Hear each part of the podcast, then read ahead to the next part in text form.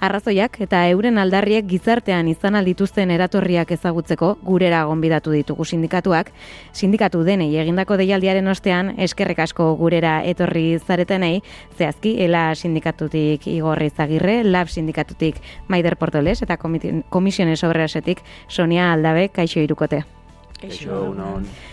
Azteko eta behin, e, eta ongi iruditzen bazaizue, bizpairu galdera e, pedagogikoagoak mai gaineratu nahiko genituzke. Pixka bat, greba honen nondik norakoak ere ulertu, ulertu alizateko. Eta lehena, akaso mugen e, kontzeptuaren inguruan e, da gehiago ez, e, topeen inguruan. Euskal instituzioek ezin dute nahi adina igo soldata, Espainiatik ezarritako muga, muga bat e, dugu. Maider nahi bazu zu kasi? E, e, denok dakigu, Madriek e, muga batzuk markatzen dizkigula, legez e, datozkigun muga batzuk dira, baina e, aipatzekoa da e, borondate politikoa egongo baritz eta hemen negoziatzeko borondatea egongo baritz soldatak eta birjatzen tasak e, negoziatzeko aukera egongo litzatekela. Baina momentu hauetan e, bertako gobernua PNV eta udaletan eta gainontzeko instituzietan dauden agintariak oso oso komodo daude e, Madrie jarri zigun muga hoiekin, beraien lana ez egiteko. Igor gehitzekorik naba baduzu? E, bueno, pizkete entzun da azkeneko asteetan, pizkete reflexio bat egiteko, bale? Ez dut, importantea dela, mugetetik aratago zerbitzu publikoen balioa, zatik entzuten nahi gara, ez, azkeneko egunetan, eta greban bezperan, ez, e, gure agintari politikoak, ekonomikoan, ekonomi munduan arduradun direnak, zerbitzu publikoa edo angile publikoa privilegiatua direla, hotza handia egiten duela sektore pribatuan, eta bar, ez? Eta uste dut badagoela idei bat zinbestekoa dela, eta indartu bar dela, ez? E, sistema kapitalistak sortzen duen ezberdintasun eta injustiziaren aurrean ezinbestean behar direla zerbitzu publiko indartzu batzuk. Hau da, langile klaseak e, kapitalarik endutako parte bat da eta garaipen bada. Eta ezinbestean, e, justizi sozialan sinisten dugunok, e, pertsona guztien oinarrizko ongizat eta garapena bermatzeko zerbitzu publikoak bermatu behar. Ez du gaztu behar, zerbitzu hauek e, ezinbestean gehien behar dutenak direla herritarra langile klase xumeak. Eta hau, hau ezinbestean emateko, zerbitzu gure unibertsalak, doakoak, impartzialtasunez, guztionzat eskaintzeko ezinbestean langile publikoak egon bardia, eta zerbitzu publiko indartsu batzuk egon bardia. Eta demokrazian, sinisten badugu, eta demokrazia indartsu bat behar badugu, zerbitzu publikoak indartsu bat behar ditugu, eta horren bestez, langile publikoak egoera eta kondizio egokian egon bardia. Bestela, gaude, sistema kapitalistak privatizazioarako prozesu batean. Eta sarre honi gehitzeko edo pixkat mugen inguruan. Guk uste dugu hemen dagoela debate bat edo da zerbitzu publikoak indartu nahi ditugu. Eta zerbitzu publiko aurrera ematen duten langileen lan baldintzak eta e, hori aurrera ematen dituzten e, indartu behar ditugu, ala ez. Eta hori da debatea. Hau da, inoizko aberastasun gehion sortzen ari garen gai batean, hau da, gure e, erakunde publikoak langile klaseak sortzen duen aberastasuna inoiz baino altuago denen, hau da, hiru diputazioak eta Nafarroko gobernuko agasunak inoizko errekaudaziorik handiena dituzten horietan, apustua zera, zerbitzu publikoak indartzeko, edo azken urtetan gertatzen ari den bezala zerbitzu publikoekin negozio bilakatzeko. Eta hori da galdera. Eta guk uste dugu, azken urteetan, argi eta garbi, gure agintari politikoak, e, sistema kapitalistaren menpe daudela, eta zerbitzu publikoa privatizatzeko apustu garbia egiten dutela. Eta guk grebaren atzean ere dago hori, zerbitzu publikoak indartzea. Sonia, imaginatzen dut, komisiones eberrea zen ere privatizazio horrekin batera, zerbitzu publikoen e, defentsaren, bueno, ideia hori azpimarratu nahiko zenuketela, tartea ere ba, baduzu horrekin, baina akaso ere gaia murgiltzen ari garen, garen ez gutxinaka, ere nahiko genuke jakin, beraz, e, bi galdera batean egiten dizut, nahi badezu ariari jarraitu zazu, baina baita ere eskertuko genuke jakitea, e, zerbitzu publikoen eta langile publikoen, ez, e, debal, debaleazio edo, bueno, ez dakit nola esan, ez? E, bueno, kuñadismo batetik esaten, ez edo, bueno, e, pixka batik horrek esaten zuena, ez?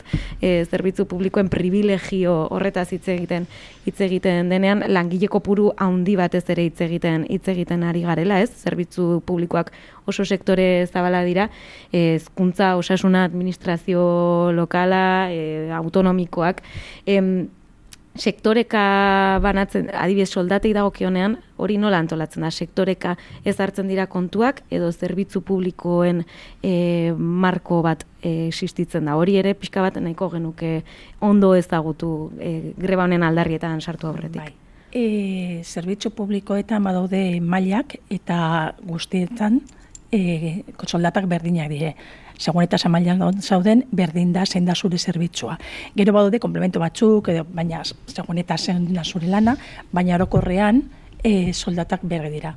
Orduan izango da, segun eta zein mailan zauden, e, soldata horren arabera izango da, eta baina soldatak horiek mm, jartzen diran, normalean, e, estatuko mairokorrean. Baina gero badaukagu hemengo gure mairokorrean baitare, hori ba hobetzeko aukera, eta hori da egiten ez dena eta hori da egit e, gu eskatzen ari garena. Gure realitatea eta estatuko beste leku batzuetan bera ez delako, eta hori denok dakigu. Eta horregatik guk eskatzen dugu, ba hemen ditugun aukerak hori guztia hobetzeko, ba hemen bertan egiteko, ba igorrek esan duen bezala, inoiz baino diru gehiago dugulako benetan, zerbitzu publikoetan gastatzeko.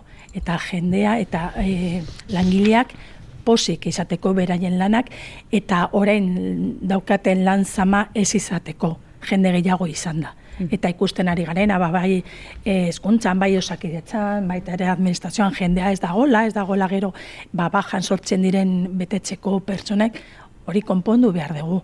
Eta hain privilegiatuak izan da, hori ez lehetetik gertatuko. Bai, gaineratu duzuen elementu hori, ez, e, diruarena edo e, aurrekontuen super, superabit e, hori, ez, e, administrazioak dirua dirua dauka, baino e, kontra, ba, bueno, e, ez da hori, nolabait, e, islatzen, ez, langileen e, lanbalditzetan. Hori normala da, esan nahi dut, e, Euskal Autonomia Erkidoan gertatzen da, superabito hori dagoela, edo praktika orokorrago bat da, gure lurraldetik arago badakizue? E, superabit hori dago eaeko e, aurrekontuetan, Nafarroko gobernuan ere badago superabitori eta horren atzean dagoena da e, lehen osan dakoa. Emendatu bat emango dut. Gaur gure instituzioak banketxetan behatzi mila milioi euro dituzte. Hor, pandemiaren aurretik iruko iztu eginda da. Horren atzean gure ustez argita garbi da zerbitzu publikoak indartzeko borandaterik eza. Eta ni datu batzuk emango ditut. Zatik hemen propagandatik aratago datuak uste dut garrantzitsua direla. E, Europa batasunean, bos langiletik bat langile publikoa da. Europa riparraldean, hiru langiletik bat langile publikoa da. Estatu Espainiarran euneko mazazpi. Hemen ez da euneko amabostere izten. Hemen beharra gutxiago dia, ez, hemen dagoena da, zerbitzu publikoa, eguneo zerbitzu publikoak egiten dituzten langileak privatizatuta. Eta dibidea jarriko, zaintza esparrua zaintza esparrua uneko laro gehieta marrean privatizatu dako zerbitzu bada. Hau da, privatizatzen da, eta horrek ondorio ditu langilentzako, eta mate, erabiltzaileek jasotzen duten zerbitzurako. Baina osasun gintzen, behin eta berriz, ari gara, privatizazio prozesu bat etengabean. Azkenekoa da, aurreko urtetik ona, aurrekontuetan, externalizatutako edo privatizatutako zerbitzuak eguneko behatzi egin duela gora osasun mentala gipuzkoan jartzen badugu datu bat, osasun mentaleko zerbitzu guztia gaur gipuzko privatizatuta dago.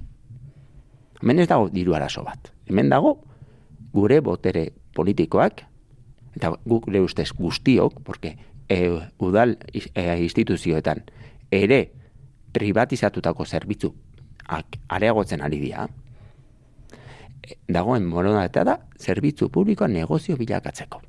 Mhm. Eta guk horren aurrean borrokatu behar dugu. Privatizazioa da mai gaineratzen den elementu bat, bataz, best, e, bataz besteko edo datu e, garrantzitsu bat ere manduzue, adibidez, behin behinekotasunarekin, ez da, maider, zer da, behin behinekotasunarekin gertatzen ari dena? Azkenean behinekotasunarekin gertatzen ari dana da, azkenean e, administrazioetan ez dituztela egiten beharrezko prozesugak e, langileoiek e, konsolidatzeko, eta horrek azkenean ekartzen duena da e, administrazioetako plantilla gehiengoa e, eventuala izatea. E, naiz eta eusakietzan adibidez e, lanpostu asko daude kodigo gabeak, beraiek kontziente dira ez dauzkatela kodigorik, ez dira existitzen, baina langileak daude zerbitzu hori ematen. E, kontsolidazio prozesu batean e, plazak ateratzerak orduan, e, osakietan e, ezinezko izan zen ere kuantifikatzea zenba plaza zuen beraiek kodifikatuak ez dauzkatelako. Nustez, adibidez, osakietzako ente batean, eta ematen den zerbitzu batean, oso argia da, e, benbeinekotasun hori, e, noraino aiegatzen den, eta zeogoratan dauden langileak. E, langile falta dago, e, prentxan egunero ikusten dugu, e, kategoria ezberdinetan e, langile horiek falta diralak, baina administrazioen aldetikan e, ez da inongo, inongo mediorik jartzen horrek ekartzen duen ondorioekin. Azkenean ez da behar bezalako zerbitzu bat ematen, e, zerbitzu publikoak e, azkenean e, gaur egun gobernua pendu, ba, zerbitzu publikoen gainbera, gainbera ekarri du, eta hori ikusten egera egunerokotasunean. Bai. Eskuntzan e, egonkortze prozesu honetan ikusi dugu ba plantilla e, hogeita mar milakoa da, gutxi gora bera, eta hortik behin bilatuta ba, aurkitu dituzte bos mila baina gehiago plaza egonkortzeko. Egonkorrak enber zirenak eta ez dira. Eta naiz eta hoiek atera, oraindik ez gara llegatuko sortzeraino, haiek e, uste dute, ba, egon behar dena, edo denok uste dugu, egon behar dena, eta prozes, e, dena ondo mantentzeko eguneko sortzia ba, eventualitatean mantendu daitekela. Eta ez gara llegatuko. Zer, imaginatzeko, zenbat plaza atera behar diren oraindik hori benetan e, egon behar den neurrian izateko. Eta horrek esaten digu, benetan ez dela, ez de, ez dela prozide ateratzen, atera behar diren plazak eta ez, del, ez, ez dugula gure lankideok izan behar duten moduan. Mhm. Beste elementuetako bat, e, langile publikoen e, erosalmenaren e, galera, galera da. Hau ere guler dezagun modu berean eman da, e, bestelako ez, sektore pribatuko langileen neurri berean, handiagoa izan da, txikiagoa izan da? Ba, azken datuak ikusita gure handiagoa da, neurtuta daukagu eta euneko gehiago da, beste batzuetan ez da hori gertatzen beraien konbenioak e, aurreratzen ari direlako eta zerbel lortzen ari dira. Gut dara matzagu e, administrazioan e, hogeita marretik ba, konbenioren bat edo akorde gorokorren bat lortu gabe. Urte horietan, ba, noz benka, lortzen dira akordio txikiak ba, ateratzen diren arazoa konpontzeko momentuan, baina akordio orokorra ez dugu lortu amapiko urtetan em, adibidez eskuntzan daratza ja la urte hoiekin buelta eta ora eta ez dugu aurreratzen. Bakarrik egin du dizkigute e, elementu batzuk eta gu geneuzkan eskubide asko eta orain borrokatzen ari gara eskubide horiek berriro izateko, berreskuratzeko, baina berriak ez ditugu lortuko, gure lan baldintzak ez dira hobetuko, naiz eta lan handi egin orduan, horregatik uste dugu, ba, borroka egin behar dugu denok artean, eta horri buelta eman behar dugu, esko jaletxak benetan, ba, e, prozesu horietan sartzeko eta benetan negoziatzeko e, bere era aldatzeko. Zentzorretan e, instituzioak aipatu dituzula e, ja Sonia Olatz Garamendi autogobernu eta gobernantza publikoko kontseilariak esan du greba honetarako ez daudela arrazoi objektibo objektiborik eta administrazioak egin dituen e, hobekuntza proposamenak e, ja da mai gaineratu egin ditu. Eta beraz e, negoziaziorako ateak zabalik daudela zuek ordea e, salatu duzue ez dagola benetako borondate politikorik negoziaziorako nebazu igor zuk zeu Bueno, hemen propagandatik eratago datu objektibo badaude. Eta Sonia kondo esan du. Azken maiorokorreko akordioa 2000 marrurtekoa da. Sektore, sektore juten magea, ere, amairu amala urte dia, inolako akordiorik ez dagoela. Ez gurekin eta ez besteekin. Eta horrek dana, daka datu objektibo batzuk. Eta Soniak esplikatu du bainan. Gaur, osakidetzan, hogeita bos mila langile, hogeita bos mila langile, dira bai behineko.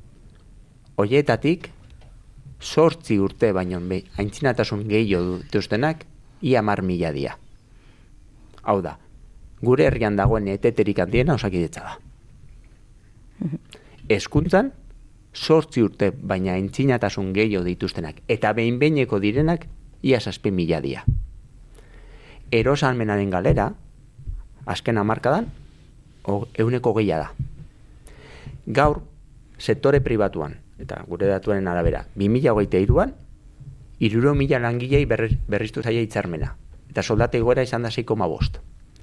Bueno, se, langile publikoan, azkeneko 2008 bitik ona, oita laura, erosalmenaren galera euneko sortzia da. KPI referentzia hartuta, eta hori die datu objektiboak. Hemen inorrekin ez da dosten, hemen inposatzen dira, dekretuz inposatzen dira lan baldintzak, eta guk esaten deguna da, horren atzean dagona da, zerbitzu publikoa privatizatzeko apustu garbia. Eta ez balkarrik eusko jolaitzaren partetik gure ustez, baizik eta instituzio udal foro administrazioan ere bai. Maiderre, ezak eta azkeneko greba deialdi, deialdi honekin, mugimendurik somatu duzuen administrazioarekin, e, pilatzen ari direlako ere e, deialdiak edo negoziazio borondate falta hori berdina, berdina den zuen iritziz? E, administrazioan aldetikan ez dugu ezer jaso eta azkenengo asteetan izan ditugun mai sektorialak azkenean antzerki utxa dianak edo dalakoak sektore ezberdinetan bere jarrera berdina izan da. Borondate eza, negozazio eza eta azkenean e, betiko kontuekin ibiltzen gera. Beraien aldetikan ez dago zerrez eta guk egin ditzkigun aldarrikapenei e, muzin egin die, osea, ez dute inongo kasurik egin, e, e, bi greba egin greba feministare artean eta greba feministan ere alarri, e, bertan e, greba orokorrean egin ditugun aldarrikapen asko jaso zian, eta urtea bukatu genuen hiru greba maigainan izan da, eta gaur egunean eta martxoaren amabiari begira, egoera berdinean aurkitzen gera, ez dago aldaketarik, eta administrazioaren jarrera, eta EPNU-eren jarrera, berdina izaten ari da, e, borrondate eza, eta negoziazio eza momentu hauetan. Mhm. Hala, martxoaren amabian berrekingo zaio grebari, deialdi berria, ongiru ditzen mazaizue, egoi belategi gurekin dugu, eta aldarrekapen taula hori gogora karriko dugu. Ba bai, zazpi puntu nagusitan, laburtu dituzte sindikatuek greba egun honetarako aldarriak, baten bat falta bat zaite hogaz esaten badut zuzenduko nauzue. Euneko amarreko soldate egoera eskatu duzue, eskatu dute sindikatuek, eta aurretik hartutako zorra berreskuratzeko konpromisoa. Privatizazioei ateak istea eta publifikazio planak adostea. Enplegu publikoa sortzea eta kontsolidatzea, binbeinekotasuna, zuek esan bezala euneko sortzean kokatuz, lan karga karintzea, plantillen osasuna bermatuz, politika feministek, berdintasunerako plan erreal zein eraginkorrak adostea administrazioak eta langileak euskaraz aritzea iruzurrik egin gabe eta jardunaldiaren murrezeta hogeita mabi orduko lan astearen norabidean ipintzea. Ba, hori esek beraz, e, zazpi aldarrekapen e, nagusi horiek, e, eta gutxinaka gutxinaka ez, e, solasaldian zehar, e, aletu ditugu horiek ere bai. Baina lehen puntuan, Sonia, e, retik hartutako zorra berreskuratzea aipatzen da, zer esan nahi da zehazki horrekin? Baskatzen dugu hasieran e, uneko amarra orain ja ordentza hasi behilatu nuna egin dezakegun, eta beste amarra, ba, gutxienez, onartu hor dagoela, eta ba, hmm. etorkizuna begiratu adostu behar dugu nola bueltatuko da hori langilei baina hori gutxienez eseri berrera onartu behar da hori hor dagola, eiek ez dute onartzen, eta horri buruz etxegi behar degula, hori da guk eskatzen duguna. Hmm. Eta euskararekin iruzurra hitza e, erabiltzen duzu, zer zer esan nahi duzu iruzur horrekin? Darrez matxagu urte asko e, euskaraltzea e, planak mai gainean daudela, baina benetan ikusten nahi ez dela, ez dela lortzen lortu behar dutena eta azkenean administrazioak ez dugu lortzen e, langileen euskara maila eta behar duguna e, gero jendearekin e, egoteko eta beraien lan egiteko. Orduan benetan eseri behar gera, horri adostu, eta ikusi zer behar dute langileek benetako e, euskara plana egiteko eta gero e, jendeari beraien harrera ondo egiteko. Hasieran, eh solasaldiaren hasieran igorrek aipatu du, ez? E, zerbitzu publikoen e, langileen privilegio itxura itxura horri nik amaitzeko eta azkar azkar e, eskatu nahiko nizueke bakoitzak titular batean e, edo esaldi batean azpimarratzea zergatik diren zerbitzu publikoak garrantzitsuak eta zergatik den garrantzitsua martxoaren 12ko deialdia. Bai, garrantzitsua da batez ere denontzat direlako. Eta zergatik joan behar dugu amabira denak elkarrekin, ba, azkenean elkarrekin e, indarra dugulako eta zerbait lortuko dugulako. Bueno, leno eh, esan dauko narira, langile publikoak eh, bermatu gabe, langile publikoa lan baldintza duini gabe, ezin delako zerbitzu publikoak egoki batzuk ematea herriarentzat eta gizartarentzat. Ezin bestean, eh, langile publikoa, zerbitzu publikoak indartu behar dira, eta horretarako aurrera, langileak aurrera ematen dituztena zerbitzu publiko horiek lan baldintza egokiak eta egonkor izan behar dira. Hor dago idei bat, esaten dugunean privatizazioa eta behinbinekotasuna guztiz lotuta dago. Langileak ez badituzu egonkortzen, privatizazio hori eta irekitzen diozu. Eta hori oso argi ikusten da zaintza esparruan. Esan deleno, hauneko largoita marra behinbinekoa dela. Osea, hauneko largoita marra privatizatuta dagoela. Gelditzen dien zar egoitza municipale edo forale plantillaren irutik e, bi baino gehiago behin-behineko da. Horra zergatik. Privatizazioarako bidean daudelako. Ziurtatuak e, zabaltzeko eta letzeko tarte gehiago okiko dugula, baina zoritxarrez gaurkoan ez, maider zuri e, amaitzeko Bai. eskatuko dizut. Motzean esan zerbitzu publikoak egonkortuta indartu behar ditugu eta horrela beharrezko eta kalitatezko zerbitzu publikoak emango ditugula. Ba, eskerrik asko Sonian Labe, Maider Portoles eta Igor Izagirre gurean izateagatik, martxoaren amabiaren zai geldituko gera beraz, eta ziur berriz eh, izango dugula zuen berri eskerrik asko. Eskerrik asko zuri. Mila Eskerrik esker. asko zuei. Informazioaren aria.